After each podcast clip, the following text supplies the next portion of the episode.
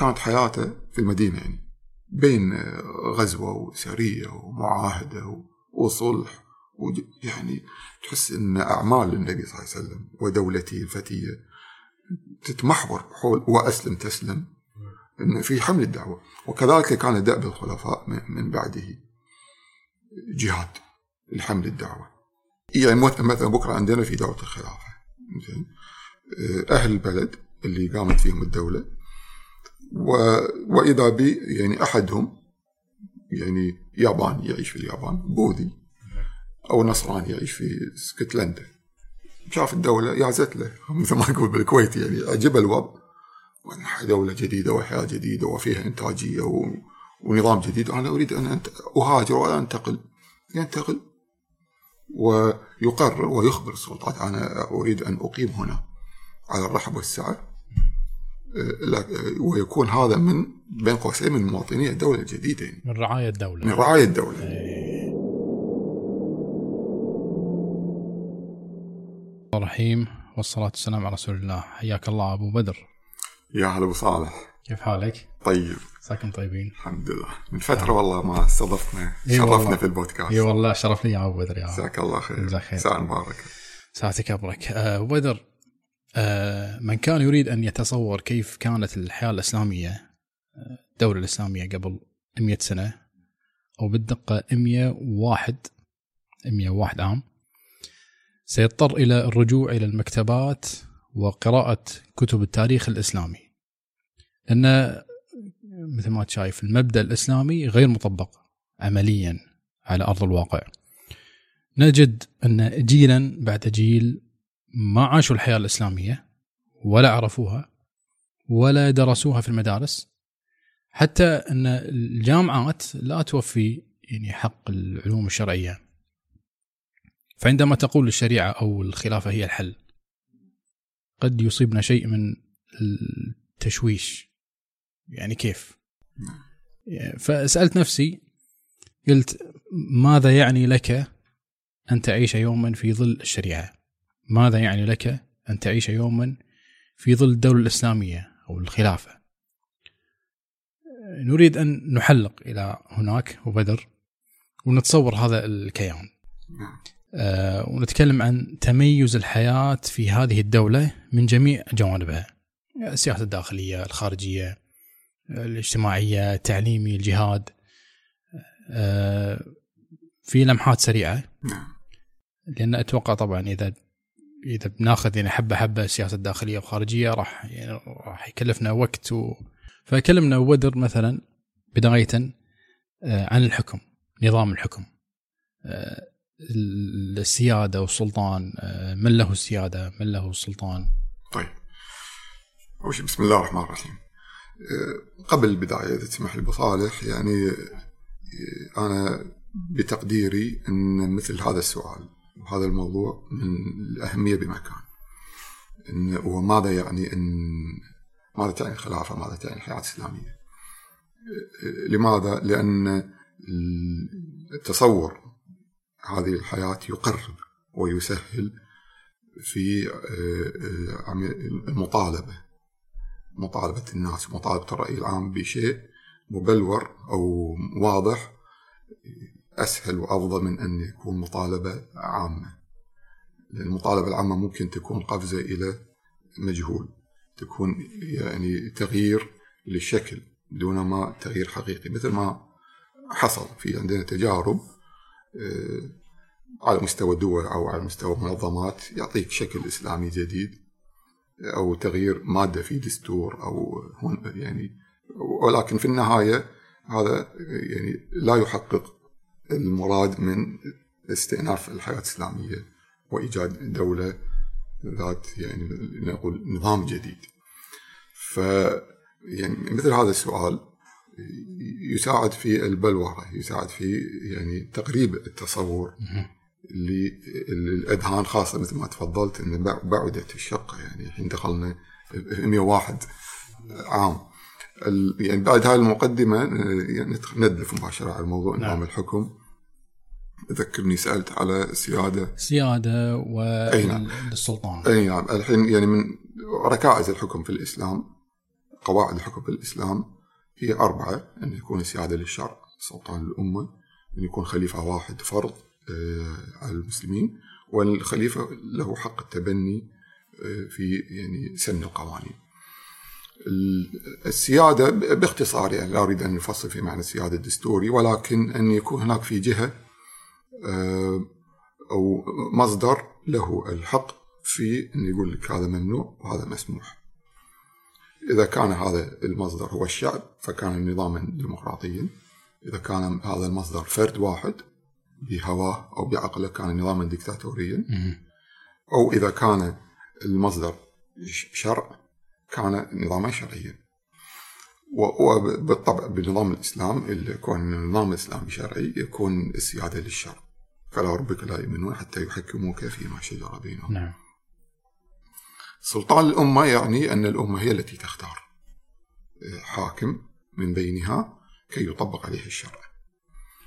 فإذا يعني لنقل يعني هذه التوليفة أو هذه المعادلة من التميز بمكان أنها تفردت. يعني الحين الأنظمة الوضعية أو لنقل العقل الوضعي ما استطاع أن يفرق بين جهة التشريع والتنفيذ.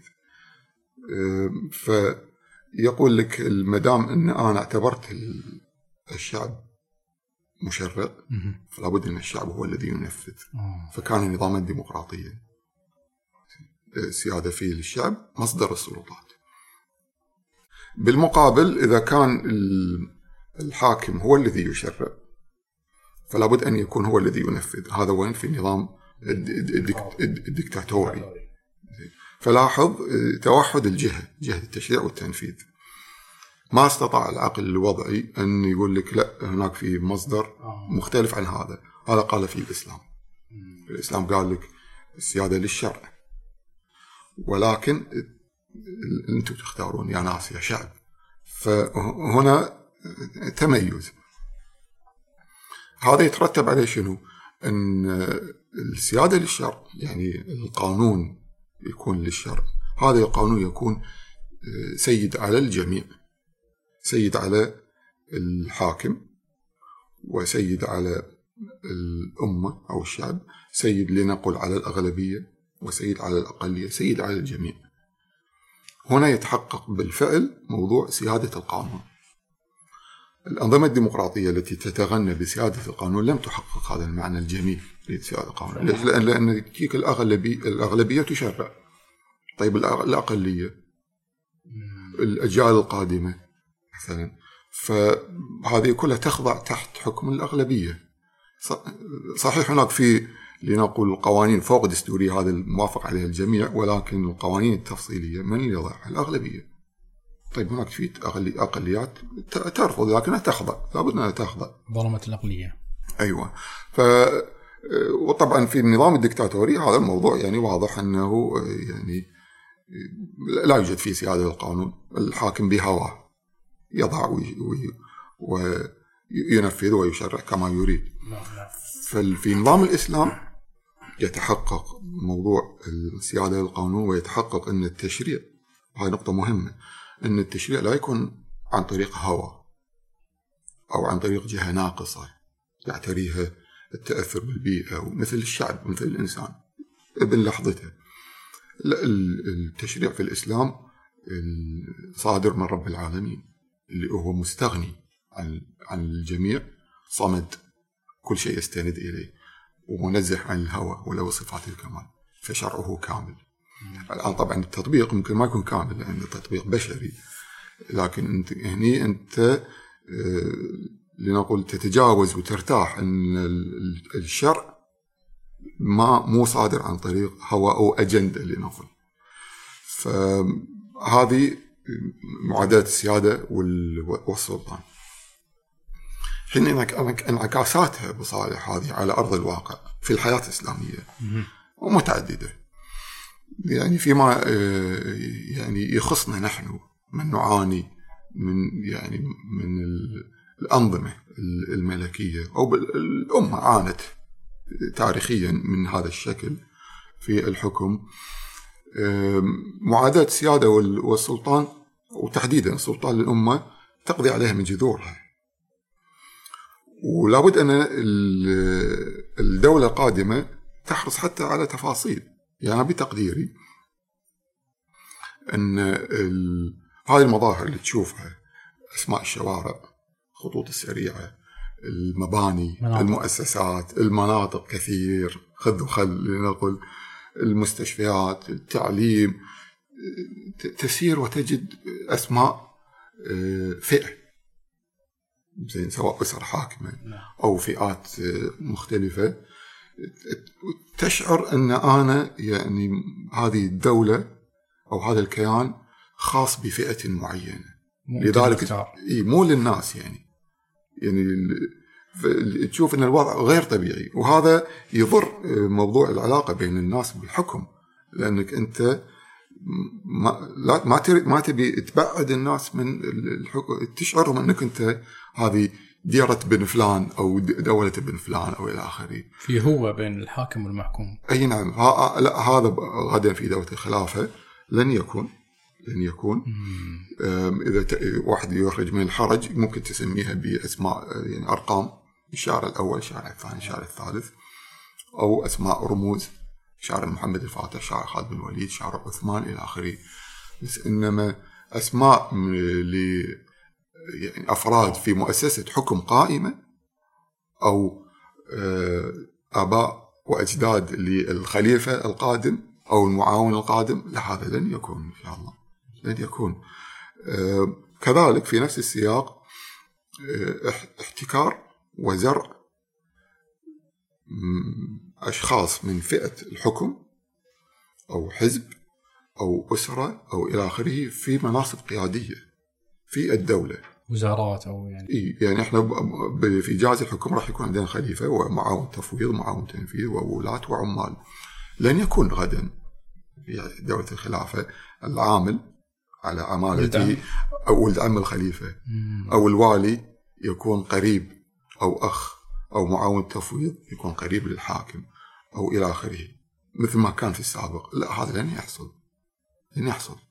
وربما نبالغ ونقول في أصلا يحق للأمة أن تشترط على الخليفة. تشترط. تشترط إيش؟ يعني كما اشترط الأمة على عثمان أن يحكم أن يجتهد. شيخي آه. زين ممكن تشترط. يعني إذا حط شرط ما ما ما خالف حكم شرعي يعني فغدا أنا أتصور أن إحنا نشترط على الخليفة. أن تكون خليفة آه، ما تعين أحد من قريب لك من الدرجة الأولى في المناصب القيادية. قبلت أهلا وسهلا لم تقبل في غيرك رجال كثر.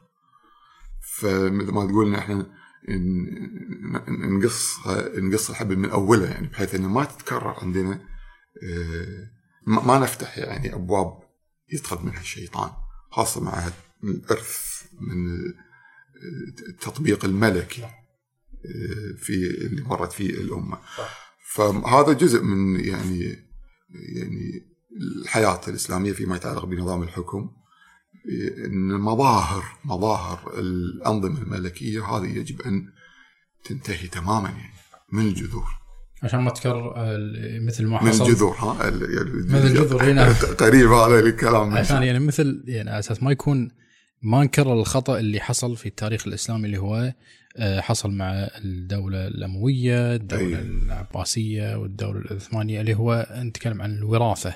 نعم كان شبه وراثي الابو يموت الابن هو ياخذ مكانه يعني نعم. أوتوماتيكي. مع إنه كان في لا ما كانت اوتوماتيكي يعني كان في البيعة موجودة ولكن لنقل يعني شكل. شك شكليا أو يعني بيعة خفيفة لنقل يعني. مو اللي يعني مثل سيدنا عمر.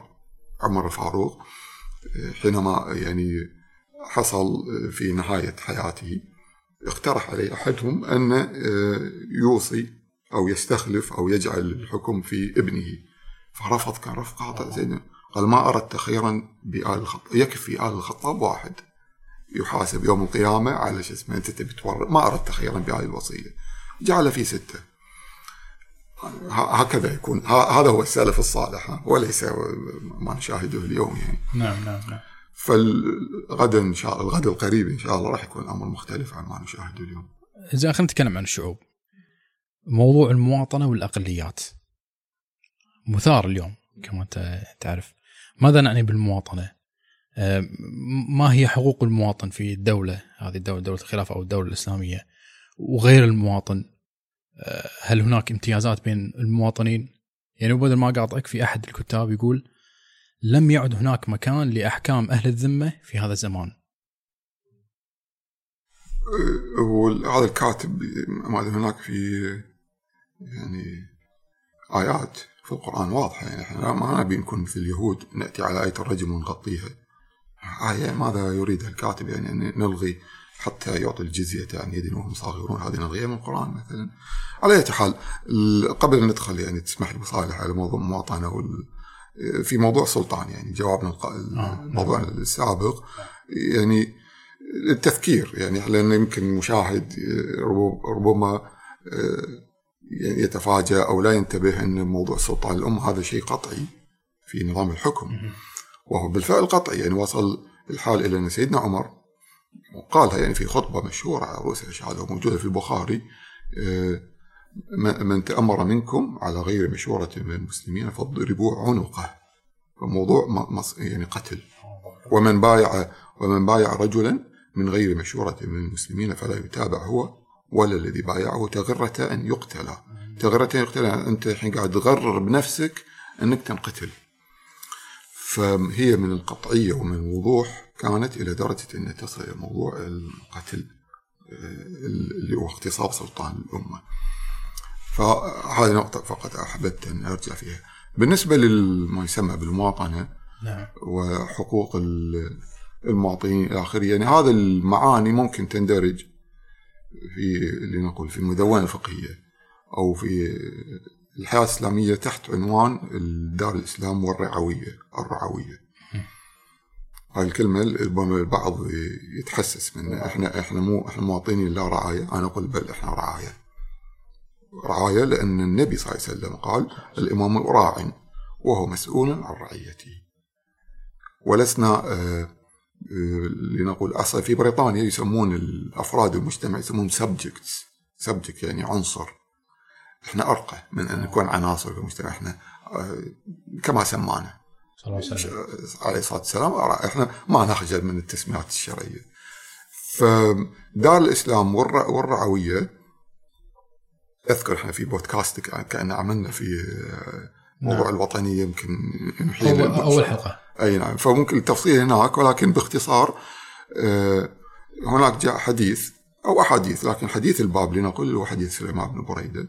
عن أبيه آه، اللي هو حديث طويل إن كان الرسول صلى الله عليه وسلم آه، إذا أمر أميرا على جيش أو سرية أوصاه بتقوى الله وأوصاه ب اغزوا بسم الله لا تغلوا لا تقتلوا إلى آخر آخره. وإذا لقيت عدوك من المشركين فادعهم إلى ثلاث خلال أو خصال. الشاهد في الحديث أنها وأقرأ قال ادعهم إلى الإسلام فإن أجابوك فاقبل منهم وكف عنهم ثم ادعهم إلى التحول من دارهم إلى دار المهاجرين. وهنا الشاهد. وأخبرهم أنهم إن فعلوا ذلك فلهم ما للمهاجرين وعليهم ما على المهاجرين. فهذا حديث صريح بأن الذي لا يتحول إلى دار الإسلام ولو كان مسلما ما يملك أي حق من آه، حقوق الرعوية. لأن قال ثم ادعوهم إلى التحول من دارهم إلى دار المهاجرين وأخبرهم أنهم إن فعلوا ذلك فلهم ما للمهاجرين وعليهم ما على المهاجرين.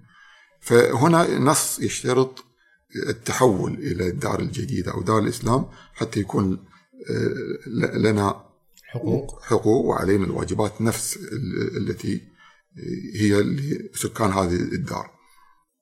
حتى المسلم الذي لا يتحول إلى هذه الدار لا يكون له من هذه الحقوق شيئا يعني. إلا أن يجاهد مع المسلمين. لأنها جاء في الحديث. فإن أبوا أن يتحولوا منها فأخبرهم أنهم يكونون كأعراب المسلمين يجري عليهم الذي يجري على المسلمين ولا يكون لهم في الفيء والغنيمة شيء إلا أن يجاهدوا مع المسلمين. يعني ما لهم بالحقوق المالية شيء نعم. إلا إذا كان يجاهد يعني. بالمقابل الذي يتحول لأن عام الموضوع النصراني أو اليهودي الذي يتحول إلى هذه الدار الجديدة ويقرر أن خلاص أنا أريد أن أكون من سكان هذا البلد ارتضيتها مقاما لي له ما لنا وعليه ما علينا يعني يعني في مساواة بين خلينا نقول أو آه، المواطن المسلم والمواطن غير المسلم إيه. في مساواة في الحقوق. يعني مثلا مثلا بكرة عندنا في دولة الخلافة. زين. آه، أهل البلد اللي قامت فيهم الدولة و... وإذا بي يعني أحدهم يعني ياباني يعيش في اليابان بوذي. أو نصراني يعيش في اسكتلندا. شاف الدولة يعزت له مثل ما نقول بالكويت يعني عجبه الوضع. وأن دولة جديدة وحياة جديدة وفيها إنتاجية و... ونظام جديد. وأنا أريد أن أنت... أهاجر وانتقل ينتقل ويقرر ويخبر السلطات. أنا أريد أن أقيم هنا على الرحب والسعة. لا- آه، ويكون هذا من بين قوسين من مواطني الدولة الجديدة يعني. من رعاية الدولة. من رعاية الدولة. إيه. من رعاية الدولة. طبعا يدفع يدفع ال- جزية. لأنه هو مو مو مش مسلم فيدفع جزية. آه، ولكن يكون رعايه الدولة في مقابل طبعا الجزية هذه قليلة وفي مقابل. يعني مثلا أقول لك مثال يمكن أهل البلدين يع- يعرفون هالكلام هذا تماما. يعني أنا مثلا كويتي أقول هني يحق لي بالنظام أن أنا إذا مثلا إذا تزوجت يطلع لي مثلا مبلغ فلاني قرض حسن أو أن قرض سكني مبلغ وقدره.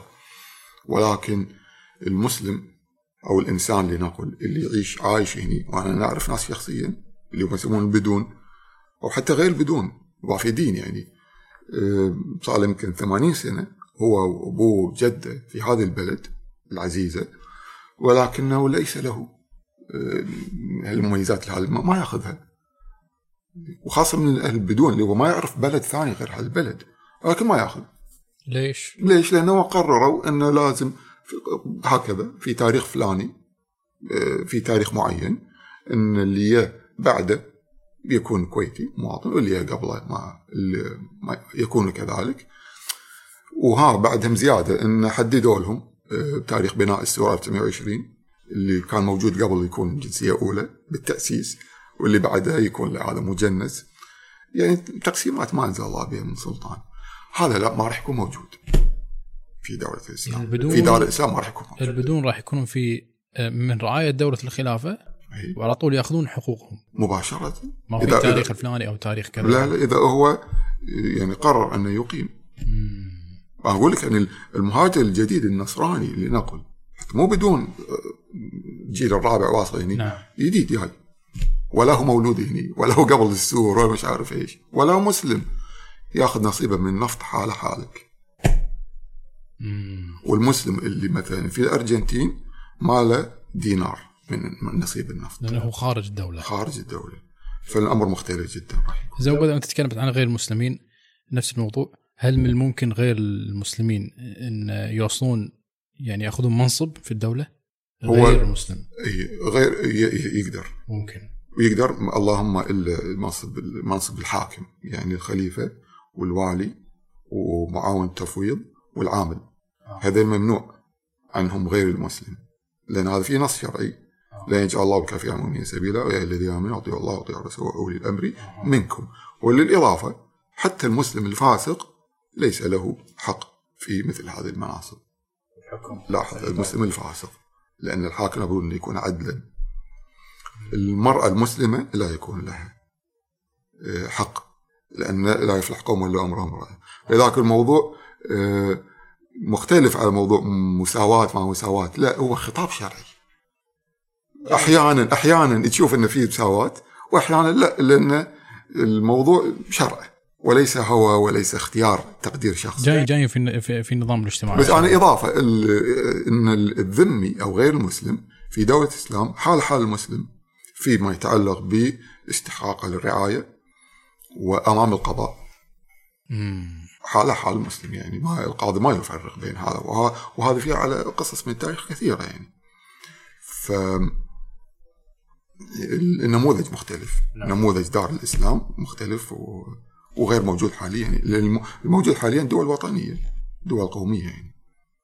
ومن آثار هذا النموذج أن طبيعي تشوف الخليفة من أصول فلسطينية. نعم. وتشوف معاون تفويض من اصول مغربيه طبيعي تشوف على ال على ال الكويت إذا كانت ولاية تشوف الحاكم عليها من أهل مصر. ربما هي ملاحظة تغضب العنصريين في الكويت ليكن. وتشوف على مصر الوالي عليهم من أهل السودان. شوف هاي ملاحظة ممكن تغضب العنصريين من مصر ليكن. ف يعني هكذا يكون الوضع يعني. حينما الموضوع يكون دار إسلام مو دار وطنية أو قومية. بالعكس هذه مع الوقت ترى يعني آه، يعني تنشال هذه المرض مرض العنصرية. أتوقع إيه؟ أتوقع. يعني أنا ما أبي يعني أخمن بس يمكن جيل جيلين نعم. ينتهي الوضع. إن شاء الله. لأنه هو وضع شاذ يعني. وعلى فكرة يعني قبل مثل ما قلت يعني قبل 100 سنة كان الوضع مختلف يعني أيام الخلافة العثمانيه كان الوالي العثماني في العراق. إي نعم. يتعامل مع الوالي العثماني طبيعي كان بالعكس العثماني أصلا لهم العرب لهم شأن أمام العثمانيين من ناحيه فكرية اللي يخلي الأمر يعني سريع الذوبان إن هذه الانخراط الوطنية مو مرتبطة بقناعات. نعم نعم. هي مرتبطة بمشاعر. والمشاعر تروح بسرعة. الخطاب العقلي يذوبها ينهيها. نعم. طيب بدر آه لنأتي من الجانب الأكثر أهمية عند كل بشر الصغير والكبير والفقير والغني والمسلم والكافر. الجانب الاقتصادي الشركات المساهمة وأحكام الملكيات آه، وطبيعة الشركة في هذه الدولة الدولة الإسلامية. آه، كيف يعني مثلا خلينا نقول ستتغير عملة دولة الخلافة؟ إحنا نتكلم عن الذهب والفضة. نعم.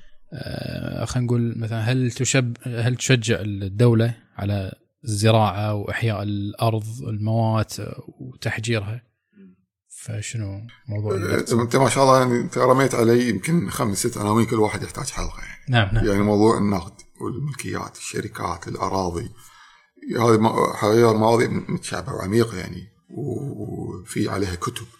ولكن لنقل ناخذ من كل بستان زهره ممتاز.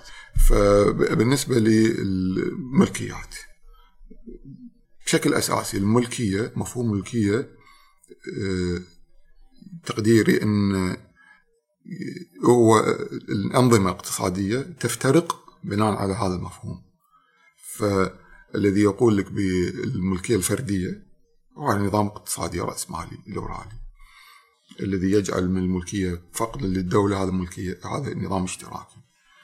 فملكيات أمر مفهوم أساسي يعني مفهوم أساسي. وعلى طاري على ذكر النظام الاقتصادي والرأسمالي والاشتراكي تشوف انه في شوية تعامل ساذج أو سطحي.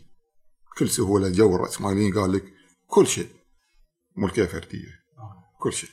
من يعني قنينة الماء هذه إلى السيارات مصانع السيارات إلى حقول النفط إلى مصانع الطيارات. مصانع الأسلحة كلها ملكية فردية. فردية.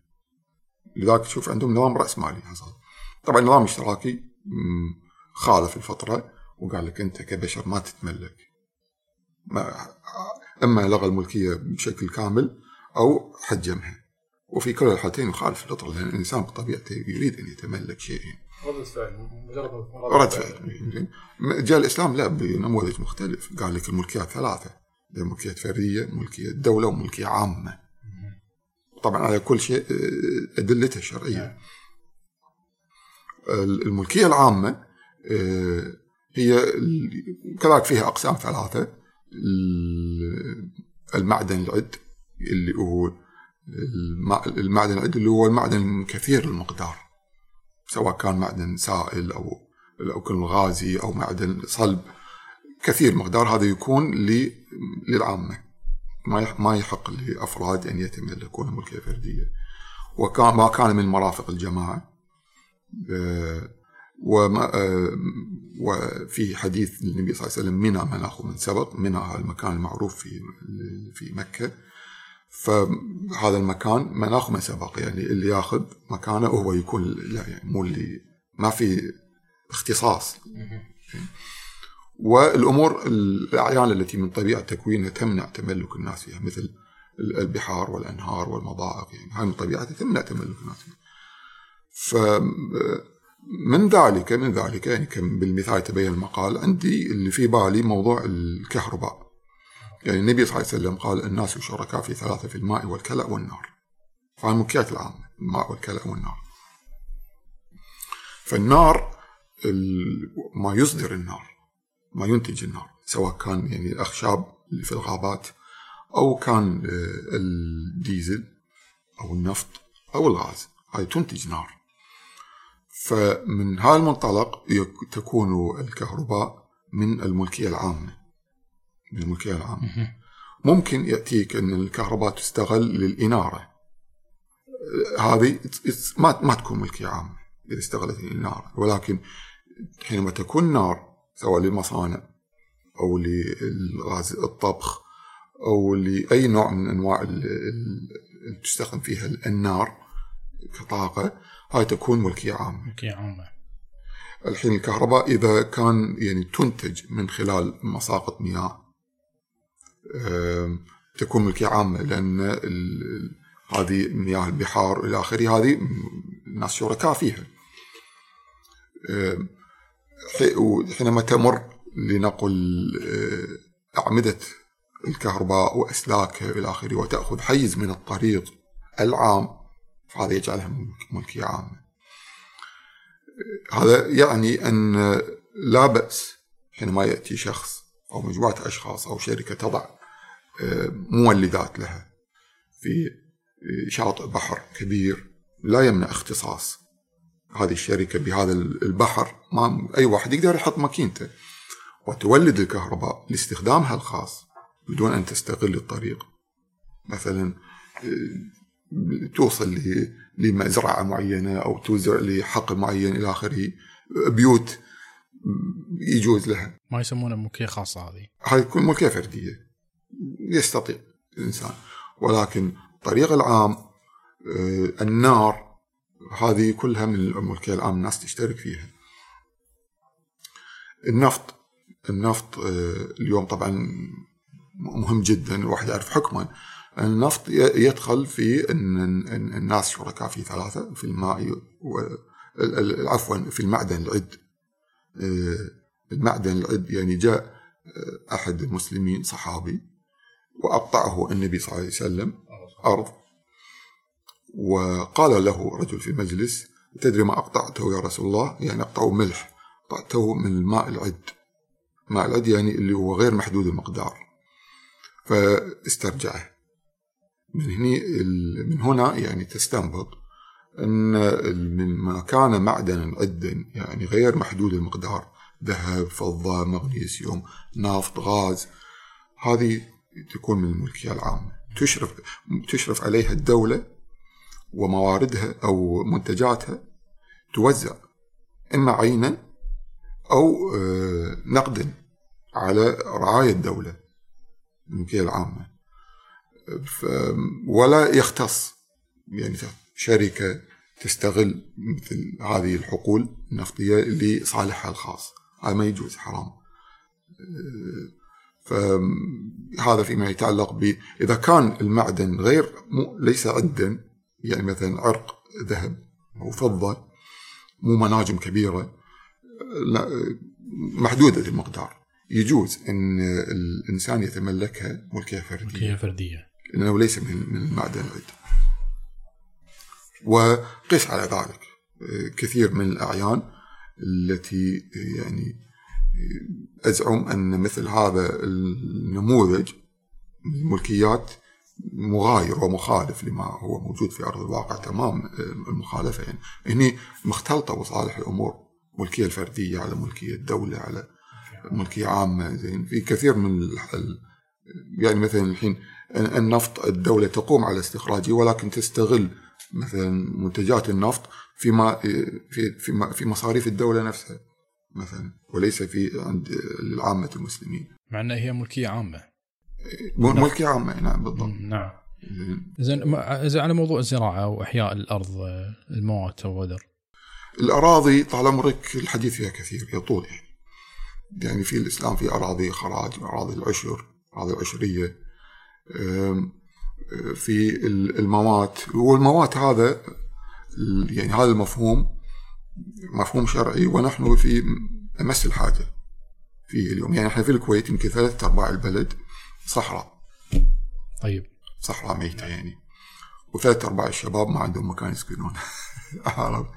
فال إنك يكون متاح لرعايا البلد أو الناس اللي إن يحيون المواد اللي هو كثير.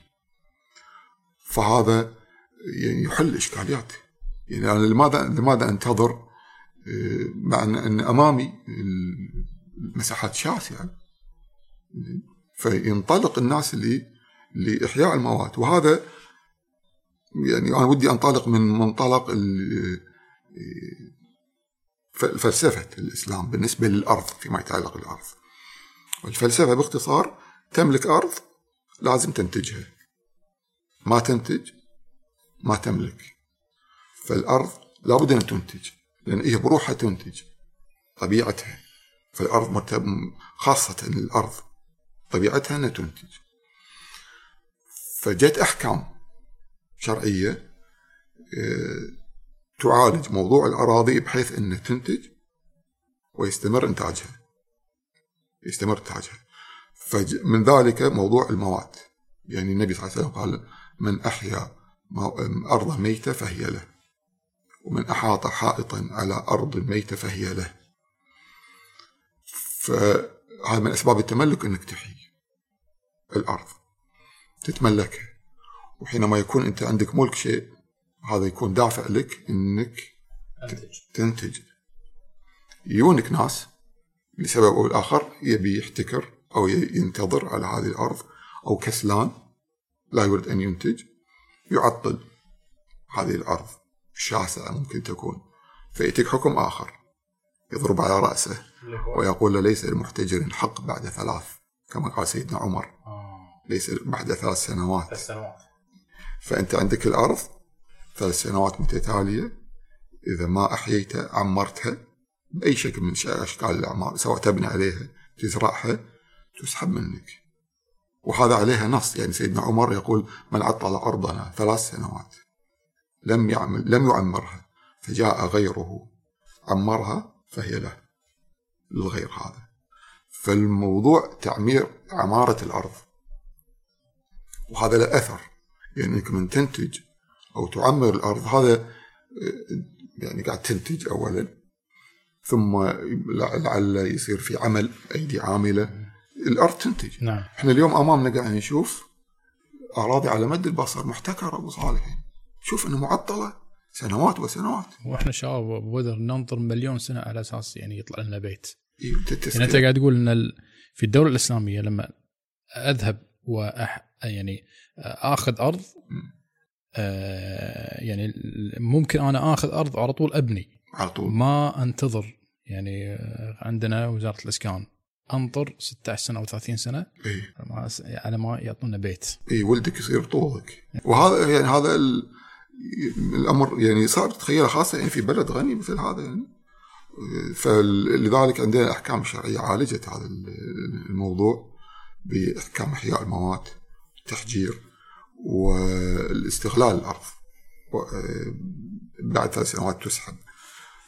فال وفي غيرها كذلك من الأحكام إن اللي هو منع إنك تأجر مثلا أنت صاحب أرض كسلان. أو لا تريد أن تعمل فتؤجر الأرض للزراعه غيرك يزرع فيها. مو يكون أجير لك لا يكون مزارع. هذا كذلك ممنوع بتفاصيله.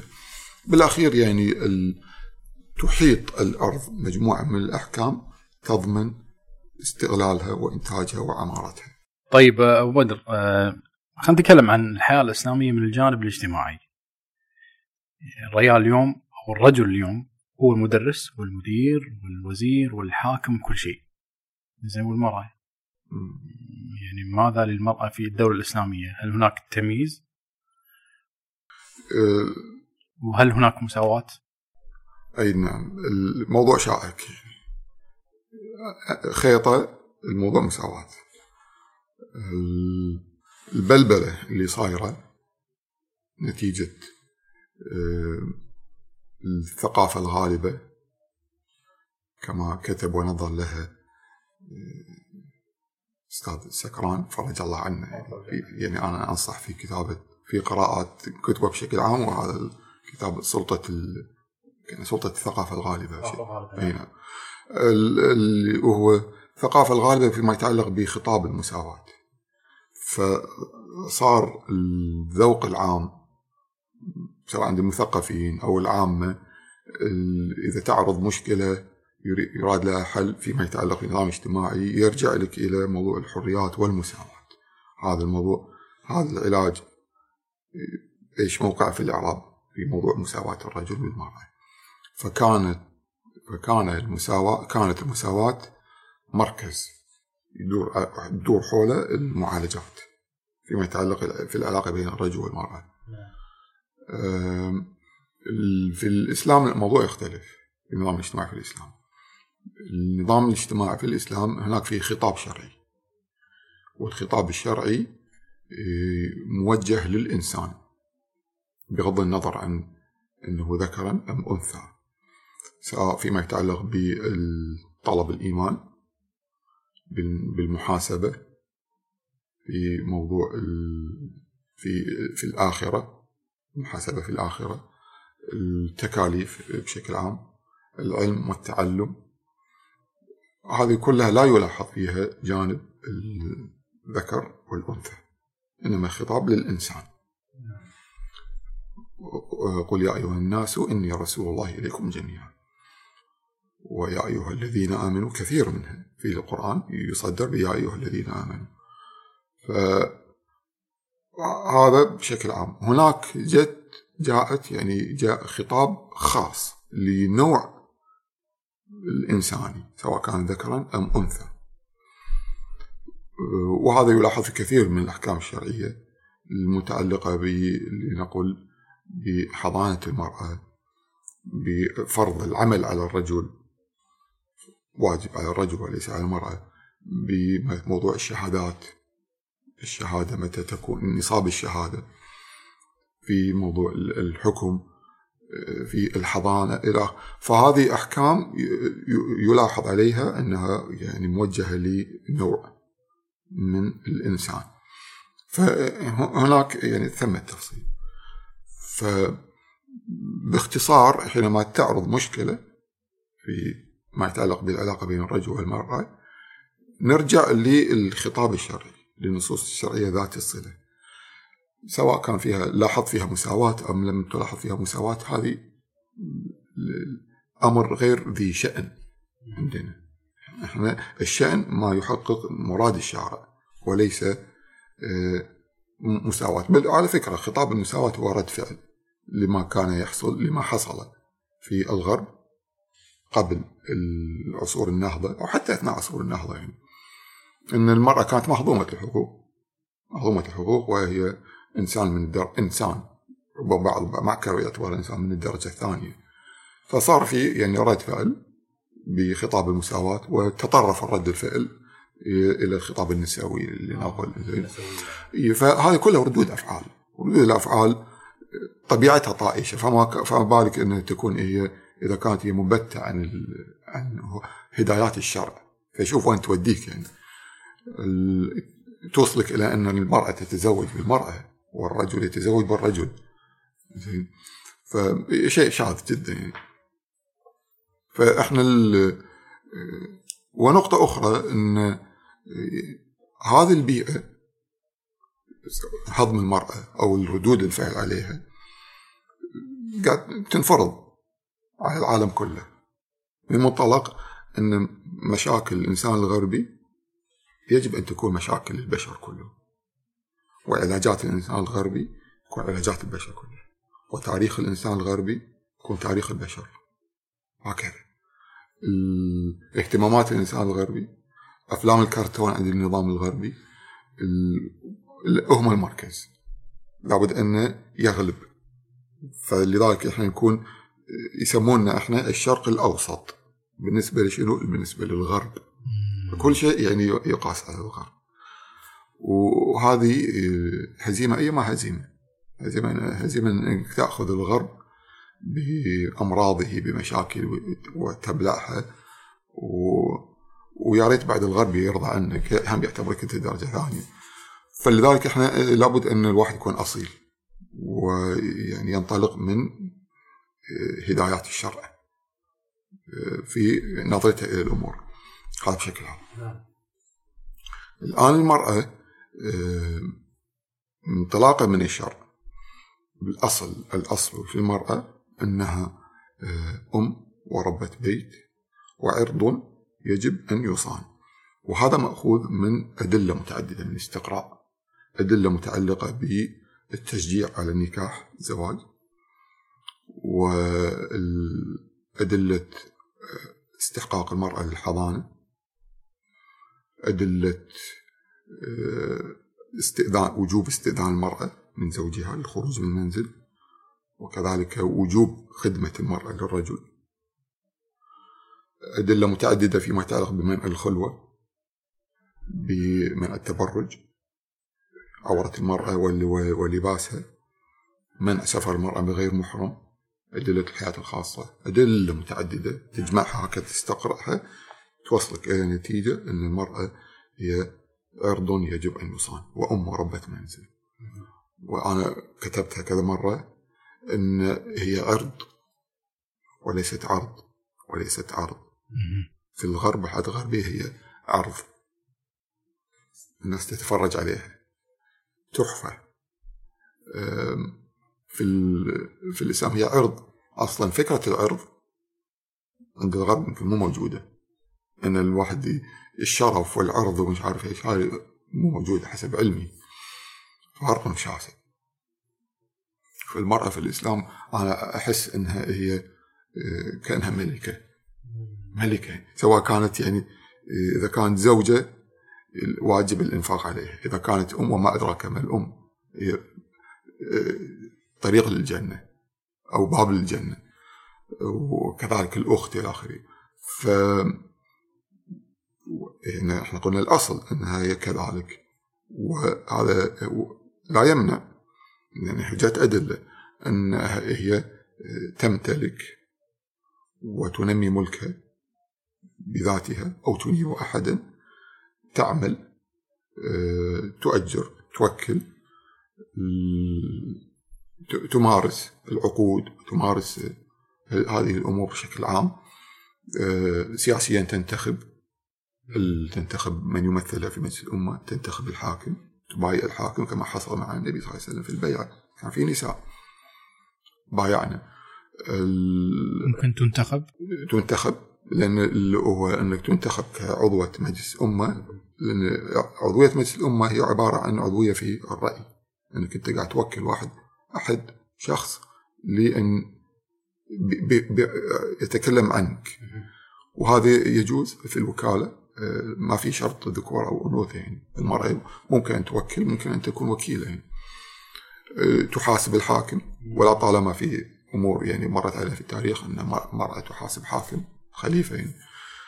هذا لا حرج في ذلك. تكون في مناصب الدولة. كل مناصب الدولة ما عدا لنقول الحاكم لأن شرعا ممنوع. في نص شرعي يمنع ذلك لا يفلح قوم ولا أمر امرأة مثل ما قلنا في البداية أن حتى رجل مسلم ممكن ما ممنوع عليه أن يصير حاكم إذا كان فاسقا يعني. أو إذا لم يكن حرا لنقول يعني. ف مناصب الحكم لا ممنوعة للمانع الشرعي. فهذا بشكل عام. هذا يتطلب إن المرأة حينما نقول إنها عرض يجب أن يصان أن تسار أو تسور بأحكام تحافظ على يعني طهارتها وطهارة الحياة العامة بشكل عام. فيما يتعلق بالنظام الاجتماعي. وفي الإسلام كثير من يعني في هذا الخصوص. ومن أعجب ما قرأت أو من ضمن الأمور العجيبة يعني ضمن القراءات الحديثة أنه في الحسبة قضاء الحسبة في أحد دول شمال أفريقيا كانها تونس في أحد عصور الدولة الإسلامية أن قاضي الحسبة كان يلزم المؤذن أو المؤذنين حينما يصعدون على المنارات العالية للأذان أن كان يعصب أعينهم. ليش؟ حتى ما يكشف عورات البيوت. يعني شوف الدقة يعني وهذا رجل مؤذن أصلا يعني. ويقوم بعمل تقرب إلى الله سبحانه وتعالى أذان. مع هذا كان يعصب عينيه حتى يمنع أي مدخل من داخل الشيطان بحيث إنه يكشف عورات البيوت. يعني يقول هالكلام وقارنه فيما يحصل اليوم. تجد بون شاسع يعني اليوم في بلاد المسلمين مع الأسف آه، تشوف أن ترى أن المرأة آه، يستغل أنوثتها في كثير من الأحيان. وعندك جانبين كبار اللي هو جانب الإعلانات. دعايات. أي الدعايات وجانب الأعمال بعض الأعمال. يعني الدعايات صار أمر معتاد. تشوف إن المرأة صورتها تعمل دعاية لبرفيوم عطر ولا توقف جنب سيارة أو تعرض لك زي أو مكياج أو مش عارف إيش. فهذه يعني شو الفرق بين السيارة والمرأة؟ كان مقصودة. يعني أحس إن هذا حط من مكانة هذا الإنسان يعني إن هي مع السيارة صارت يعني ترويج لسلعة السياره يعني. فصارت مثل التحفة. وهو في الواقع في الحضارة الغربية المرأة هي تحفة. تحفه يعني يستغل جمالها ويستغل انوثتها الله يعني المستعان فال يعني هذه الإعلانات وهذا الشكل يعني لاستغلال انوثه المرأة هذا ما راح تجده في في دولة الإسلام. يعني حتى يعني أنا مرة مثلا مرة في عندنا في البلد باص تدري إحنا في الباصات يصير فيها هي محل إعلانات يعني نعم. أنا وجدت إعلان مرأة محجبة ما أدري شنو كانت السلعة فأنا كان بيني وبين نفسي قلت أنا هذا المشهد ما راح نشاهده حتى لو كانت المراه محجبة يعني. وملتزمة بالحجاب ليش؟ لأن هذا استغلال لانوثه المرأة في ترويج لدعايه ممنوع ف من يعني من هالمنطلق راح بصري وبصرك وبصر الكثير من المسلمين راح ترتاح من هالمشاهد هذه يعني. الشيء الثاني الأعمال. بعض الأعمال مصالح المرأة يعني توظف لأنوثتها. مثل اعمال السكرتارية. سكرتارية. وأعمال لنقل المضيفات. مضيفة في الطيران مع طيران إلى آخره. وأعمال لنقل ريسبشن واستقبال في فنادق ومؤسسات. ولكن في السكرتارية واضح جدا. حينما تدخل المدير أو المسؤول طبيعي إنه يكون عنده غرفة وقدامه أمامه يكون هناك غرفة استقبال. تدخل لابد ان غرفة استقبال انك داخل على مدير يكون يعني الجو جو مدير ها؟ فتشوف الأثاث جميل. تشوف ورد تشوف إلى آخره. تحف والسجاد وتشوف مرأة سكرتيرة. جزء من الأثاث. جزء من الأثاث يعني عرب. فهذا يعني يعني استغل انوثته هذا استغلال مثل يعني ما, ما يكون موجود يعني. الحياة الإسلامية طاهرة ونظيفة. طاهرة ونظيفة. بحيث أن الإنسان المسلم لما ينزل إلى الشارع العام ما يجد صعوبة في غض البصر أو سماع كلمة غير لائقة أو أن تشم ريح عطر لامرأة هنا وهناك. يعني مثل هالمظاهر هذه المتعبة اللي تحوشنا في حياتنا اليومية ستنتهي في في الحياة الإسلامية. وكذلك العقد والتحسس فيما يتعلق بالمرأة ومشاركتها السياسية والى آخره. هذه النصوص الشرعية تسمح بهذا الكلام. طبعا مع يعني الالتزام بأحكام شرعية أخرى وأن المرأة تملك ولا تحتاج إلى وكيل عليها أو ولي أمر إلى آخره تستطيع مباشرة أن تملك وتنمي ملكها. نعم هذا فيما يتعلق شيء سريع بما يتعلق في النظام على طاري التحسس أبو بدر يعني في كتاب العالم بمنظور غربي أو في منظور غربي لعبد الوهاب الميسيري يقول شنو؟ يتكلم عن العمل. يعني إن المرأة اليوم لازم تخرج من بيتها. إذا خرجت من بيتها اذا هي منتجة. وهذا غلط. نعم. ما له داعي هي المراه تطلع من بيتها على أساس هي منتجة. لا ممكن هي تكون ربة بيت وهي منتجة. بالضبط. فيقول لغة تغير مفهوم الإنتاج ويعني صار متحيزا بالمعنى المادي. شو يقول؟ كلمة العمل بين قوسين قد عبئت تماما بمضمون إيديولوجي متحيز وفقدت الكلمة براءتها أو فقدت الكلمة براءتها. وأصبحت فقدت الكلمة براءتها. وأصبحت مصطلحا محددا لا يمكن فهمه تماما إلا في إطار النموذج المعرفي المادي الغربي الحديث. نعم. فما له داعي. أنت أنت ربة بيت وبالعكس أنت منتجة. بالمناسبة يعني يعني هذا الكلام يعني ما تقول إن هذا بدون ذكر المسيري تقول إنه ما- يقول المسيري يعني من مفرداته.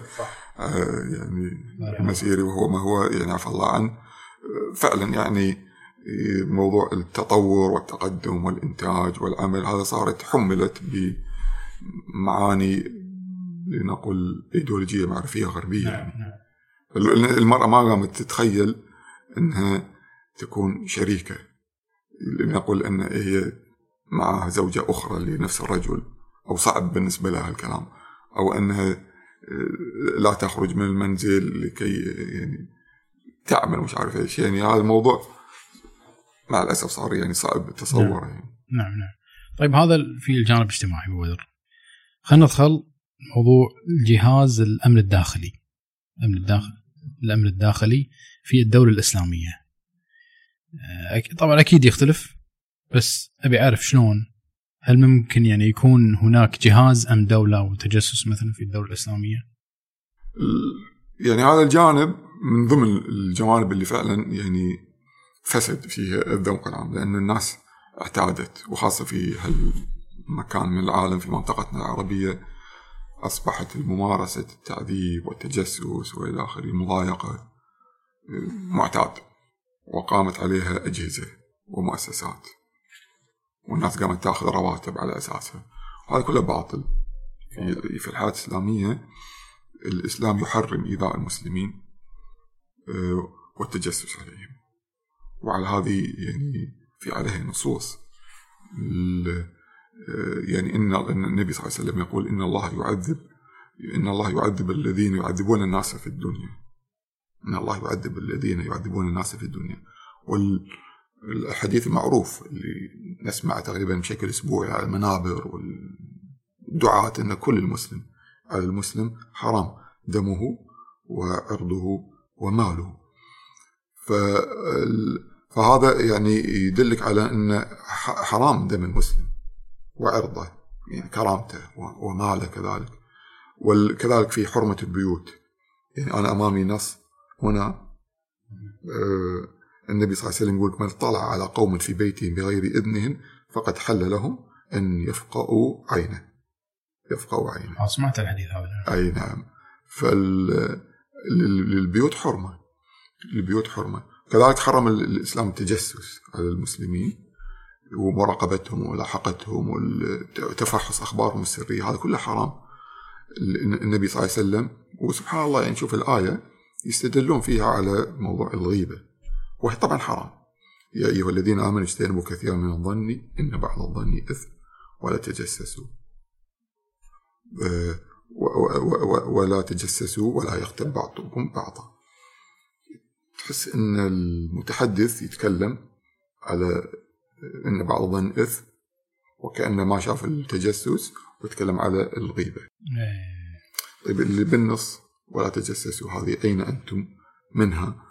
آه، ومن يعني آثارها في الواقع والى آخره. يتحدثون ولكن يعني قليل. إياكم والظن فإن الظن أكذب الحديث ولا تحسسوا ولا تجسسوا. النبي صلى الله عليه وسلم يقول.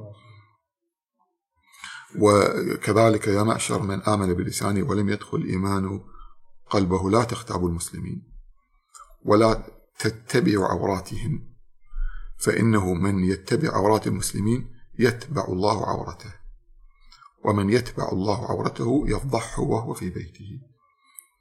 آه، تتبع عورات المسلمين. وتسمع وتحسس أخبارهم هذا حرام. آه، ولاحظ الحديث المرعب أن النبي صلى الله عليه وسلم آه، حرم أن آه، تكون يعني حرم على المسلم أن يعمل في أج- أجهزة تجسس وتتبع على المسلمين. شوف النبي صلى الله عليه وسلم يقول من أكل برجل مسلم أكله فإن الله يطعمه مثلها في من جهنم. ومن كسي ثوبا. برجل مسلم فإن الله يكسوه مثله في جهنم. يعني أنت أساس انه جبت خبر رجل مسلم تجسست عليه ووصلته للسلطه وبناء على هالعمل هذا أعطيته مكافأة أو أعطيته ثوبا أو أكلة تكسو تكسى مثل الثوب في جهنم. والعياذ بالله. فالعمل على هالاساس إنه أنا آخذ راتبي بناء على تتبع عورات المسلمين؟ هذا حرام. حرام ومصيره والعياذ بالله يعني العذاب في جهنم. ف يعني طبعا من نافلة القول إن هذا بما يتعلق في التجسس على المسلمين يعني.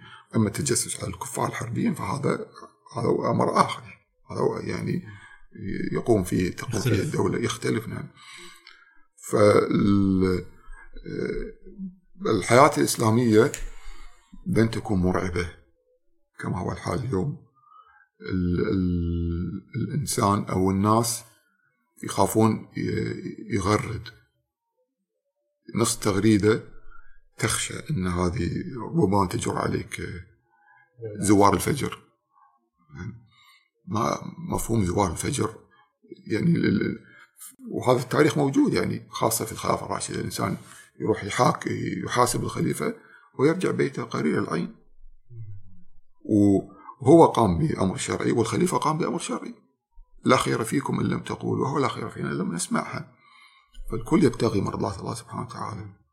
وليس في يعني هذه العلاقة إن النبي صلى الله عليه وسلم في الحديث إن الأمير إذا ابتغى الريبة في الناس أفسدهم. أفسدهم. فهو لا يرتاب بالناس لأن هذا ناس اللي اختاروا. وناس مسلمين وهو مسلم. فموضوع التجسس ومخابرات وأمن دولة ومش عارف إيش هذه الأجهزة كلها راح يعني تكون لا وجود لها في داخل بلاد المسلمين. وقدرات التجسس توجه للخارج. توجه للخارج الحربيين. الحربيين. ممتاز. الحياة ستكون سلمية يعني مريحة. جميل جدا. إن شاء الله. إن شاء الله. هذا الأمن الداخلي. مثلا زين الجيش موضوع الجيوش. كيف طريقة يعني مثلا توزيع الجيوش؟ وأنت ما عندك أسلحة أصلا فشلون تكون عندك أسلحة؟ هل عندك تكون يعني صناعات مثلا صناعات ثقيلة؟ شوف الجيوش والصناعات والملحقات هاي كلها مرتبطة ب إن بعقيدة الدولة. وإن الدولة كلها مشروع. مشروع رسالة فحينما تكون الدولة لا مشروع لها بل هي مشروع لغيرها ولا رسالة عادي تسطر في دستورها ان أن الحرب في هذه الدولة حرب دفاعية. دفاعية. مثل موجود في بلاد المسلمين يعني كثير. ولكن في دولة الإسلام أساس الدولة العقيدة الإسلامية وما بثق عنها من أفكار ومفاهيم وقيس وقناعات. من أفكار الإسلام حمل الدعوة الإسلامية إلى الخارج. لأن هذه هي مهمة الأمة المسلمه. وظيفة الدولة الدعوة المسلمين وكذلك جعلناكم أمة وسطا لتكونوا شهداء على الناس وكنتم خير أمة تأمروا بالمعروف تنهوا عن المنكر فالأمة هي حاملة رسالة حاملة دعوة دعوة رسالة إلى الخارج وطبيعيا الدولة بإمكانياتها وبجيشها وتكون تخدم هذه الفكرة. وكي تقوم بهذا العمل آه لابد أن تكون عندك مواردك وتكون أنت مؤهل اقتصاديا وماليا وصناعيا. مستقل. فالدولة بالضبط فالدولة في الإسلام من يعني راح تكون دولة صناعية تصنع ما تنتج.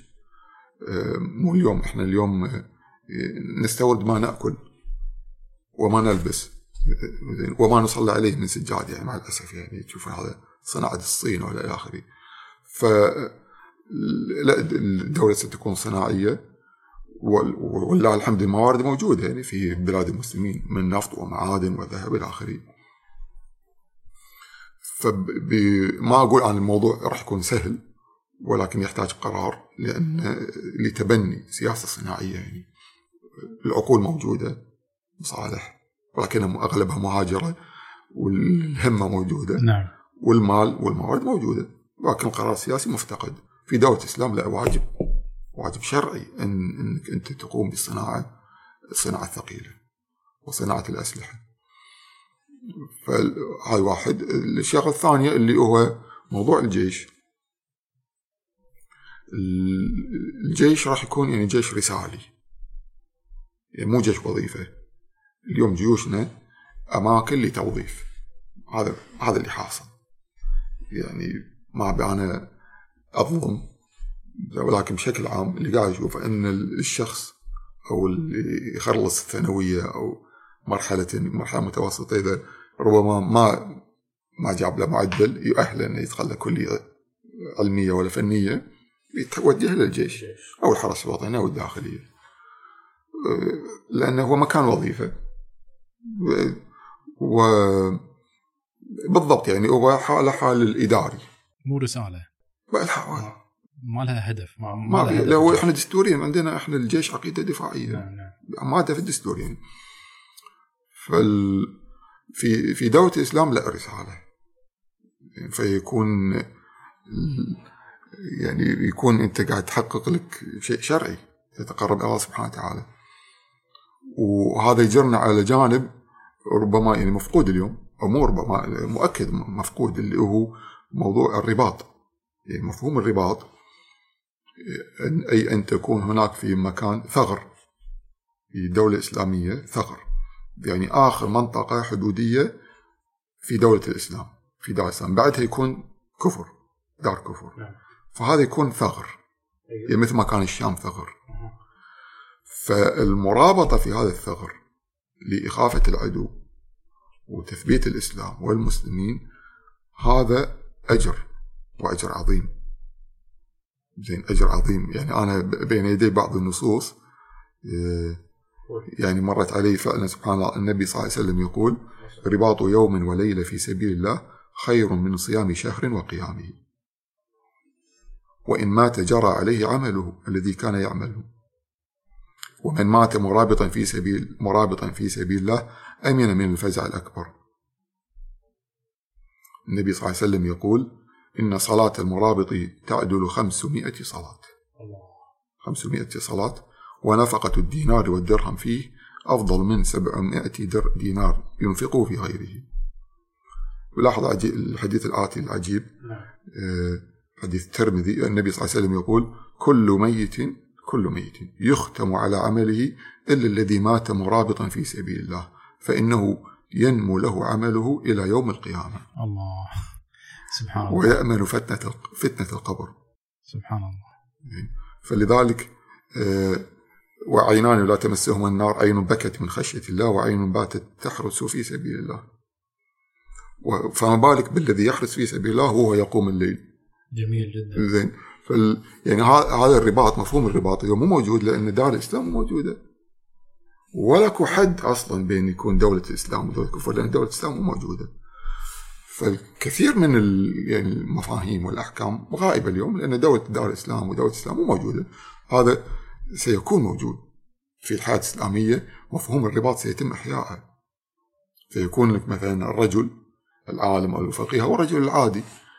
لذلك في التاريخ أنا سمعت إن كثير من العلماء والفقهاء ما كانوا يبون يضيعون هذه الفضيلة فيروح يرابط له. حتى لو يوم وليلة يعني. هل هالاجر هالسنة؟ هاي يعملها. ينالها. اليوم هاي مفقودة. في دولة الإسلام لا سيتم إحيائها. أنا أتصور الشباب وايد راح يعني يعني يتحمسون ويطلعون من دائرة التفاهة. يعني ال games مال games وكرة القدم وكذا داخلين كثير في الجانب هذا. لا هذا الشاب يروح يرابط مثلا. يقاتل ويجاهد وينال الجنة بإذن الله. إي نعم. آه طيب عندك شغلة بعد أبو بدر؟ هو أمر متعلق ومهم يعني ودي يعني القي الضوء عليه. ما دام تكلمنا على المشروع الدولة وجيشها السياسة الخارجية للدولة. يعني لدولة الإسلام سياستها الخارجية محورها حمل الدعوة. حمل الدعوة. حمل الدعوة الإسلامية طبعا إلى الخارج. وهاي مهمة الدولة تطبيق الإسلام في الداخل وحمله إلى الخارج. لاحظ أن النبي صلى الله عليه وسلم وهذا ليس بدعة من القول يعني شوف النبي صلى الله عليه وسلم حينما أقام الدولة كانت حياته في المدينة يعني بين غزوة وسرية ومعاهدة وصلح يعني تحس أن أعمال النبي صلى الله عليه وسلم ودولته الفتية تتمحور حول وأسلم تسلم. إن في حمل الدعوة. وكذلك كان دأب الخلفاء من بعده. جهاد لحمل الدعوة. وادعوهم إلى ثلاث آه، الإسلام فين ابوا الجزية وين ابوا القتال. فهذا هو محور آه، السياسة الخارجية في دوله الإسلام. هذا يعني ينزل على تفاصيل. من, من ضمن التفاصيل القناصل والسفراء. في دولة الإسلام. أي نعم. سفير الدولة في الخارج تقديري لابد أن يكون السي في لنقل اللي هو سيرته الذاتية على رأسها مؤهلاته في مؤهلات هذا السفير في موضوع الدعوة وثقافته فيما تتعلق في الدعوة الإسلامية. هذه تكون رقم واحد. إيه، ليش؟ لأنه هو ذاهب هناك لحمل دعوة. فيكون سفيرك حامل دعوة وكذلك السفارة تكون خلية من النحل لحمل الدعوة. مصالح الحديث يمكن كلنا نعرفه اللي هو النبي صلى الله عليه وسلم يقول آه لأن يهدي الله بك رجلا خير لك من حمر النعم. تدري وين قيل؟ مناسبة قيلة الحديث علي علي بن أبي طالب حينما أرسله النبي صلى الله عليه وسلم لفتح حصن اليهود آه، كان بني النضير يعني غزوة. أو أوصاه بوصايا بوصية من ضمنها هذه جت هاي الوصية. في ضمن آه، عمل علي لفتح حصن عدو لأن يهدي الله بك خير من من من حمر من حمر النعم. أنا يعني يعني الحديث أجيبه حتى نعم. المشاهد حتى ينبسط معانا. زين إن النبي صلى الله عليه وسلم يقول آه، هو فتح خيبر فتح خيبر. الوصية كاملة. انفذ على رس على رسلك حتى تنزل بساحتهم ثم ادعوهم إلى الإسلام.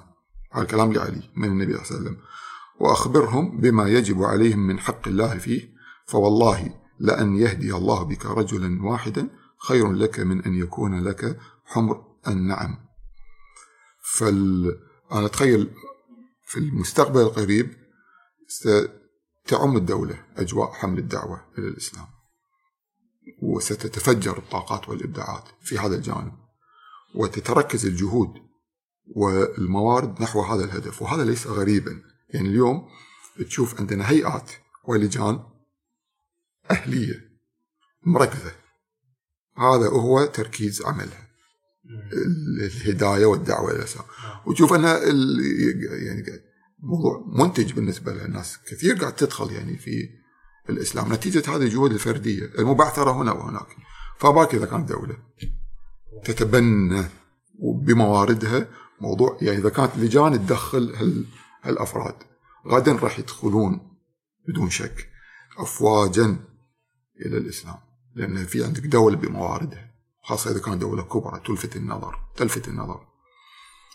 و... شاهدت يعني حلقة البودكاست الأخيرة كان على موضوع الإلحاد جزاك الله خير نعم. والضيف. وكان كان محور أو سؤال على أن مواجهة موضوع الإلحاد هنا يأتي موضوع يعني كيف أن الدولة حينما تدعو إلى الإسلام هذه لنقل فعل بنائي إيجابي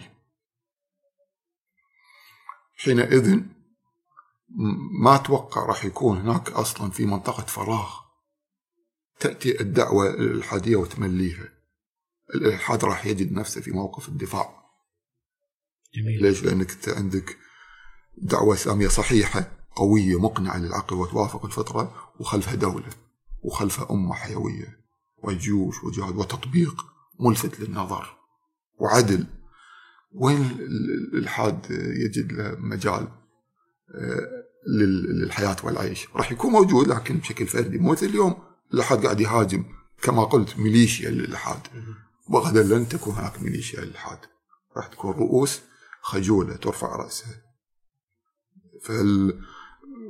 هذا معنات أو هذا تصور أن معنى أن يكون للدولة مشروع وسياستها الخارجية حمل الدعوة. شوقني والله أبو بدر شوقني يعني آه الله يكرمنا. يا رب نكون من شهودها وجنودها آمين يا رب إن آمين. شاء الله طيب أبو بدر آه، جزاك الله خير يعني إحنا تكلمنا عن الأمن الداخلي الجيوش تكلمنا عن الاقتصاد طولنا شوي أبو صالح.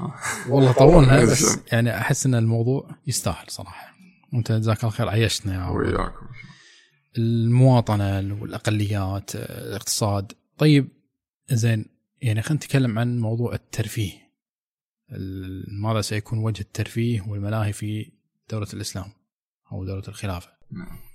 هل ستكون هناك ملاعب وأندية واحتراف مثل اللي حاصل اليوم ولا شلون راح تكون يعني يمكن هذا الجواب أو أو السؤال عفوا إذا باخذ راحتي فيه يمكن راح أطول ليه؟ بشكل ليش؟ مختصر ليش؟ لخلفيتي الرياضية. اي نعم. فال يعني شنو خلفيتك الرياضية؟ أنا كنت لاعب. كنت ألعب سله ووصلت إلى المنتخب المنتخب الأول. ما شاء الله. فالكلام اللي بقوله يعني حاس فيه لنقول أساس مباشر. يعني محترف أنت ما شاء الله. وقتها ما أخذ احتراف ولكن كنت أعيش عيشه محترف يعني. من ناحية إن الرياضة محور الحياة. محور الحياة. إي، وهذا بالنسبة للمحترف هكذا. كانت فعلا كنت أحس انه محور حياتي. يعني دراستي لباسي سفراتي إلى آخره. وقتي شلون يروح في الصيف حتى وال... طول أيام السنة. كله ي- مركز التنبه لنقول الرياضة. واثرها على صحتي وإلى آخره. وكنت مستعد للتضحية. فإيش بقى من الاحتراف؟ وهذا هو الاحتراف يعني كنا نمارسه عمليا. وهذا اللي يعني ما أتصور انه راح ينوجد في دولة الإسلام والحياة الاسلاميه الرياضة والترفيه آه، وما وما شاكل. هذه الأنشطة راح تكون موجودة ولكن مو بهذا الشكل الذي يستهلك آه، حياة الأفراد والمجتمع. جميل. بحيث إنه يدور حياة الأفراد والمجتمع عليها. وبحيث إن مثلا تأتي دولة وتستثمر في البنية التحتية مثل قطر لتنظيم كأس العالم. أولمبياد. إيه وتنشئ مطار كبير. إذا شفت أنت مطار قطر الدوحه أنا شفته يعني. كبير جدا وتقريبا ما في مسافرين يعني. وتحس إنه إنه أكبر من الدولة ولكنه هو للأولمبياد. ووصل فيهم الحال مؤخرا وهذا نشر الاخبار أن الجهة المنظمة والجهات الرسمية في الدولة تدعو المواطنين إن وقت الأولمبياد يفتحون بيوتهم. ليش؟ لأن الفنادق والسكن لا يسع. الجمهور المتوقع آلاف المؤلفة قطر صغيرة ويبدو أنهم ما عملوا حسابهم حينما قرروا التنظيم أن السعة الفندقية لا ما تستوعب. مثل هالجماهير يعني للمسابقة العالمية. فيدعون أهل المجتمع نفسهم الناس أن تفتح بيتك أو ديوانك لاستضافة الجمهور الإنجليزي المخمور بعضهم يكون أو الجمهور الفرنسي اللي بعضه يكون شاذ أو ال- الصخب هذا المعروف ال- للجماهير يدخلون في بيوتك. فيكون المجتمع مسخر لاستضافة مثل هذه المسابقة. طبعا مليارات رميت على ال- ال- الكرة ومتعلقات الكرة إلى آخره فهذا الشكل هذا النمط المؤسسي اللي تقوم فيه هيئات ووزارات ومسابقات محلية ومسابقات عالمية إلى آخره تدور حول ال... يعني هذا النمط غربي. كما يعني المسيري يمكن يتكلم عن هالكلام نمط متعلق في المتعة والنظر إلى المتعة. والنظر إلى الحياة بشكل عام أن تأتي آه، المتع اولا وإشباع أكثر أكبر عدد أو أكبر يعني آه، رغبات ومتع إلى آخره ف يعني هذا هذا النموذج المتعة اولا والسعادة تدور حول المتعة هذا ليس نموذج الحضاره الاسلاميه، إحنا عندنا سعادة نوال الله سبحانه وتعالى. والنبي صلى الله عليه وسلم يقول إن الله يحب معالي الأمور ولا يحب استفسافها فمعالي الأمور آه، آه، ليست هكذا. يعني ما راح يكون غدا في المجتمع الإسلامي رموز مثل ما تقوم تتابع كرة بشكل قوي من اليوم اللاعبين ميسي. كريستيانو ولا ميسي. لا. لا. إن الواحد تشوف يعني الشباب يقلدونهم أو يلبسون يعني تيشيرتاتهم وفنايلهم إلى آخره إيش قال ميسي ويتابع قصة شعر ميسي أو قصة شعر رونالدو وين وين وين وين ذهب وين جاء. لا, لا هذا الاهتمام سيكون أتوقع هكذا يعني ان رموز المجتمع ويكون الفقهاء العلماء المفكرين إلى آخره وليس اللاعبين. يعني الإمام الفلاني أو المجاهد الفلاني. مثلا يعني. يعني حتى حتى اليوم يعني في في المجتمع الغربي شيء غريب يعني. تشوف مثلا العالم في ناسا يأخذ يعني لا يقارن بلاعب محترف في الام بي اي الرئاسه الامريكيه مع إن هذا قاعد هذا قاعد يوصل دولته إلى القمر. يعني هذا فالنموذج سيختلف يعني. يكون يعني مختلف جدا. انطلاقا من مفهوم السعادة انطلاقا من مفهوم يعني نعم. الغاية من الحياة يعني. يعني الملاهي والترفيه في دائرة المباح. بس لكن ما تكون ما تكون يعني بشكل شيء مؤسسي. نعم نعم نعم. تكون مؤسسي ومشاركة في في ألعاب خارجية. يعني يعني على سبيل المثال الألعاب مرتبطة في فكرة الدولة أو عقيدتها اللي هو الجهاد. كيف يعني؟ ما هو في حديث اللي اللي هو علم أولادكم الرماية والسباحة وركوب الخيل. أتوقع أتصور أن المجتمع إذا كان متشرب هذه الفكرة سيكون الأولاد أو الفتية أو الشباب زين واللي يكون لديه طاقة رياضية سيستثمرها هنا. أتوقع بالغد غدا يعني سيكون دوله الخلافة متميزة في الرماية. وكذلك في السباحين. وال نقول والفروسية. فروسية ها؟ وليس يعني مسابقات الخيل اللي تدفع عليها ملايين كما يحصل حاليا ورهانات وجمالية الخيل. موضوع عندنا مو جمالية الخيل موضوع متعلق كله بالفكرة.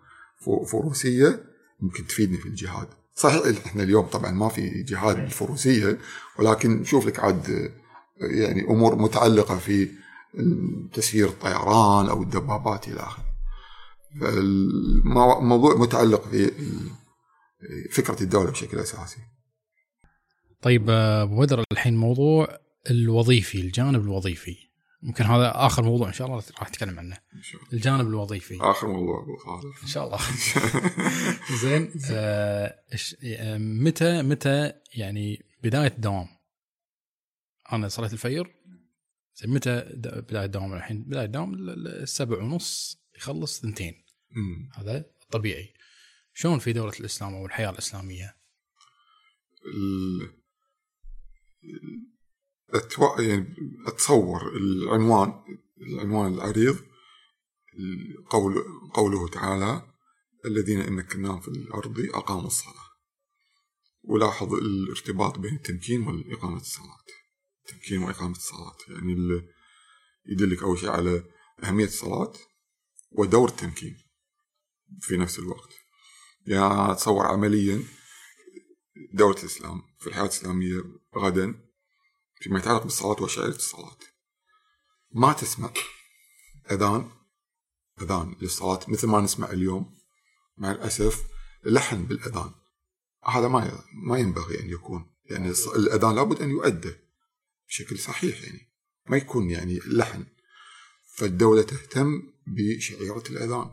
يكون الأذان يؤدى بشكل صحيح. هذا في البداية يعني. نفس الصلاة ما يترك للمسلم يصلي أو لا يصلي.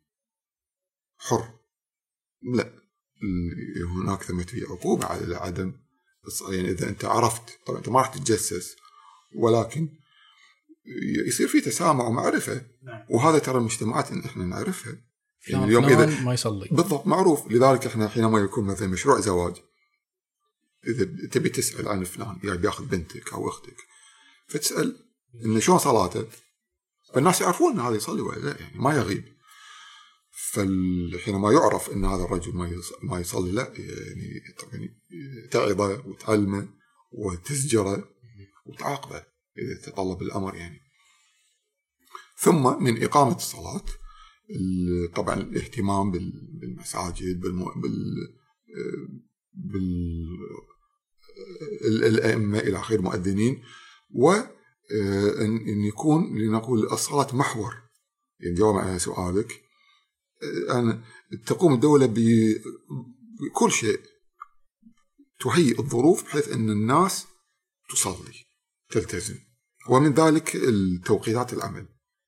يعني اليوم آه، في عندنا توقيت في العالم توقيت شتوي توقيت صيفي أو بعض بلاد المسلمين. يتغير. وفي عندنا في بلاد المسلمين مع الأسف آه، ارتبط التوقيت عندنا أو العطل الإجازات الرسمية صارت السبت والأحد مثلا. ليش يعني السبت؟ قبل كان الخميس ويجمعه دخلوا السبت. ارتباطا مع الإجازات البنوك والمصارف في الغرب. يعني تعطل السبت فأنت معاها. تعطل.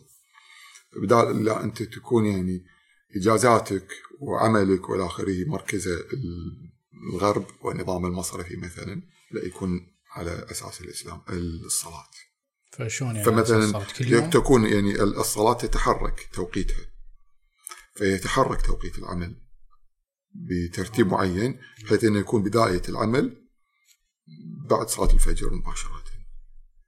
بحيث العامل أو الموظف هو أصلا قاعد لعمله والصلاة قريبة فيصلي. تهيئ له الظرف. حلو. إنه يصلي الفجر حاضر وفي المسجد. اليوم لا ما نكون الساعة سبع. أنت قاعد تهيئ له تدخل عليه الشيطان إنك يا عمي نام. قوم الساعة سبع والشروق صار له ساعة صل في غير توقيت هذا وروح للدوام. يعني تقوم من نومتك والى اخره فيبدي بداية المسكين معصية لأنه فوت الصلاة يعني. فالدولة تجر المسلمين جرا بعد إذن رب العالمين رحمة رب العالمين إلى الجنة بالسلاسل. فأنت ما تبي تدفع المسلم إلى المعصية يبدي يوم المعصية لا يبدي يوم بطاعة. فتتحرك الصلاة آه، تتحرك توقيت العمل نعم. مع مع مع صلاة الفجر. الأذان الساعة 4 بعد الأذان بعد الصلاة مباشرة تروح وظيفتك يكون يبدي عملك الساعة 5 دوامك. مثلا. يعني صليت الفجر وبدأت مبكرا وتخلص الساعة 12 الظهر مثلا. ويصير عندك يعني يوم طويل يعني تقضي إحنا اليوم مثلا أنا من من السابعة إلى الثالثة. زين وأرجع البيت الساعة 4 تقريبا انتهى اليوم. مختلف من يكون انت دوامك مثلا من الخمسة إلى 12 فال يعني هاي تفصيلة ممكن يعني تترك لتقدير الدولة لكن بشكل عام يكون يعني مرتبطة ب يعني بالصلاة نعم نعم. مرتبطة بالصلاة بحيث إن الناس تلز... تل... يعني يا محلاها أبو صالح ان تروح صلاة الفجر تشوف عندك المسجد مليء. بدال لا يكون سطرين. وهذا متاح متاح يعني ومتصور يعني. إحنا نشوف في رمضان المسجد المساجد تم تمتلئ في صلاة الفجر كذلك تمتلئ لما لا. نعم. ممتاز. طيب أنا عندي سؤال أبو بدر. يعني إحنا خلصنا تقريبا بس عندي سؤال. طبعا هذا كله يحتاج إلى وقت طويل. صح. وليس في يعني اليوم والليلة. يعني أنت أنت تتوقع أن مجرد ما إحنا نطبق الشريعة سيتغير كل شيء؟ يعني كنا مصباح علاء الدين. لو صار ما صار بدر ونصب نصب المسلمون الإمام أو الخليفة وين راح يبدي؟ وين راح يبلش هذا الخليفة؟ في تصورك. طبعا هو ما راح يكون يعني on off آه، يعني تتغير حياة المسلمين بشكل جذري. زين من نمط العيش إلى نمط آخر يحتاج إلى وقت والخل... والدولة لن تكون تصبح هكذا مثل ما قلت فجأة دولة صناعية من دولة رمز صناعتها الآيس كريم إلى دولة صناعية مثلا لا ما راح يكون بيوم مجهود وترتيب وتبني سياسات إلى آخره.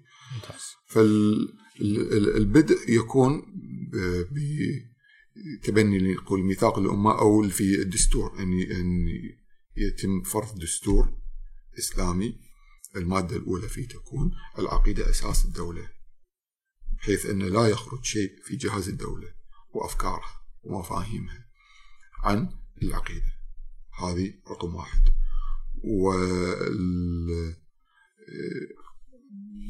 ثم يعلن على أن يعني هذه نظام الحكم بأركانه بأن السيادة للشعب تكون فيها سلطان الامه والدستور يعني حتى ما نكون إحنا نظريين كثير في يعني نحيل المشاهد والمستمع الكريم إلى دستور أعده حزب التحرير تقريبا 190 أو 191 مادة. فيه في أحكام عامة نظام اقتصادي نظام الحكم نظام اجتماعي تعليم في الصناعة الزراعة الاقتصاد تفصيلات مواد كل مادة في في شرح لها يعطيك يعني تصور تفصيلي للحياة التي نريد. ممتاز إن شاء الله. جميل. أه وبدر يعني أنا متأكد لو يعني فهم الكفار فهم الكفار الشريعة وعدل الإسلام تغير رأيهم. يعني لولا التشويه الإعلامي للإسلام وأحكامه الربانية لأن المشكلة أنهم فهموا أن نظام العقوبات هو نظام الإسلام. قطع يد وقطع يد السارق والسلام عليكم. وما علموا أن الإسلام شامل وكامل نظم جميع شؤون حياة الناس. يعني الله سبحانه يقول ونزلنا عليك الكتاب تبيانا لكل شيء. تبيانا لكل شيء وهدى ورحمة وبشرى للمسلمين. فأنا صراحة أستغرب يعني اللي يقول أن ليس هناك نظام حكم للإسلام أو يعني الإسلام يعني أعطى الحرية للناس أن يختاروا نظامهم. أستغرب يعني وين الحرية؟ وقد يعني نزلت عشرات الآيات تأمر المسلمين بالحكم بما أنزل الله. نعم. مو الحكم بهواكم أو الحكم ب يعني أنت كما تفضلت يعني تشريعات من ناحية الحرب، تشريعات من ناحية السياسة، تشريعات من ناحية الاجتماع، تشريعات من ناحية المعاملات، فكثيرة يعني الحمد لله. فهناك يعني نظام الحكم، نظام الحكم في الإسلام. وأنا ودي أختم على آه، في آه، الكاتب الأمريكي يقول نوح آه، فليدمان فيلدمان فليدمان. فيلدمان نعم في كتابه سقوط صعود سقوط وصعود الدولة الإسلامية. يقول على الرغم من أن الدولة الإسلامية توفيت من الناحية الرمزية والعملية عام 1924 فإن الدولة الإسلامية تمتطي الخيل مرة أخرى. سبحان الله. ف... محمد آه بس أنت قبل بصالح قبل لا تنهي أنا هم أريد أن نعم. أنهي بنقطة. مم. في في نفس سياق الجواب أو السؤال الاخير ال- تغيير الأنظمة واثرها ترى يعني معاش يعني البشرية تحسه. يعني مثلا في الإسلام حينما جاء اتاتورك بنظامه الجديد تخيل ألغى الحجاب وجعل الأذان بدال يقول الله أكبر الله أكبر بالعربية جعلها بالتركي. والأحرف غيرها. وإذا بالجيل الأول من الشعب اللي تحته تأثر. اللسان اختلف واللباس اختلف إلى آخره. فال... حينما جاء نابليون وحملته على على على مصر كان في توجه انه يكون يأتي بال... بجوقة تمثيلية مسرح. وقال له يعني القائد الفرنسي وصاه قال له المسرح والتمثيل والفنون توجد تقاليد وأعراف جديدة يعني. وهكذا كان. يعني تشوف إن المسرح جاء مع الغزو الاستعماري الفرنسي والإنجليزي إلى آخره. نعم. والجيل الأول والجيل الثاني تأثر فيه. لذلك يعني إحنا لا نحلم أو نتصور شيء يعني هذا معاش في الواقع. آه، إن تأثير الأنظمة على وخاصة إذا كان الموضوع جد وجاد وفي تصور ومشروع واضح على يعني ال- الناس اللي تحت نظام يعني من أول جيل لابد أن يكون في التغيير حاصل خاصة إذا كان المشروع مرتبط بالعقيدة يعني. ولا ننسى أمر مهم وهذا نرجو رب العالمين آه، لأن الموضوع معقد وشائك اللي هو المعية والنصر. يعني إن, إن تنصروا الله ينصركم يعني مثل هذا التغيير الكبير. ما راح يكون يعني بعيدا عن رعاية رب العالمين. بإذن الله. وأن لو استقاموا على الطريقة لأسقيناهم ماء غدقا فالموضوع مرتبط يعني موضوع سياسي وروحي لذلك يعني إحنا لا نقول اللهم لا تكلنا إلى نفس أنفسنا آه، طرفة عين. وهي مصيبة إن الواحد يعني يعتمد على نفسه يعني. في عندنا شغلات ما اخالف أنا أطلت يعني في في المباحات ابو صالح صح مرات أنت تقول أنا أروح هذا الجانب الدراسي أو هذا الجانب الدراسي تحتار فإيش تعمل؟ تصلي استخارة. صار استخارة. رب العالمين يختار لك. في شغلة مباحة. وبالك بموضوع تغيير وحكم بالشارع ومواجهة وإلى آخره. صحيح. وما تعتمد على رب العالمين بل هذا هو الأساس. صحيح. جزاك الله خير يا أبو بدر. ما تقصر. تعبناك ويانا كثير. ما من تعب إن شاء الله و لا تطول علينا إن شاء الله. إن شرفنا شاء الله. إن شاء بلقاء. آخر يعني ان شاء الله إن شاء الله جزاك الله خير وإياكم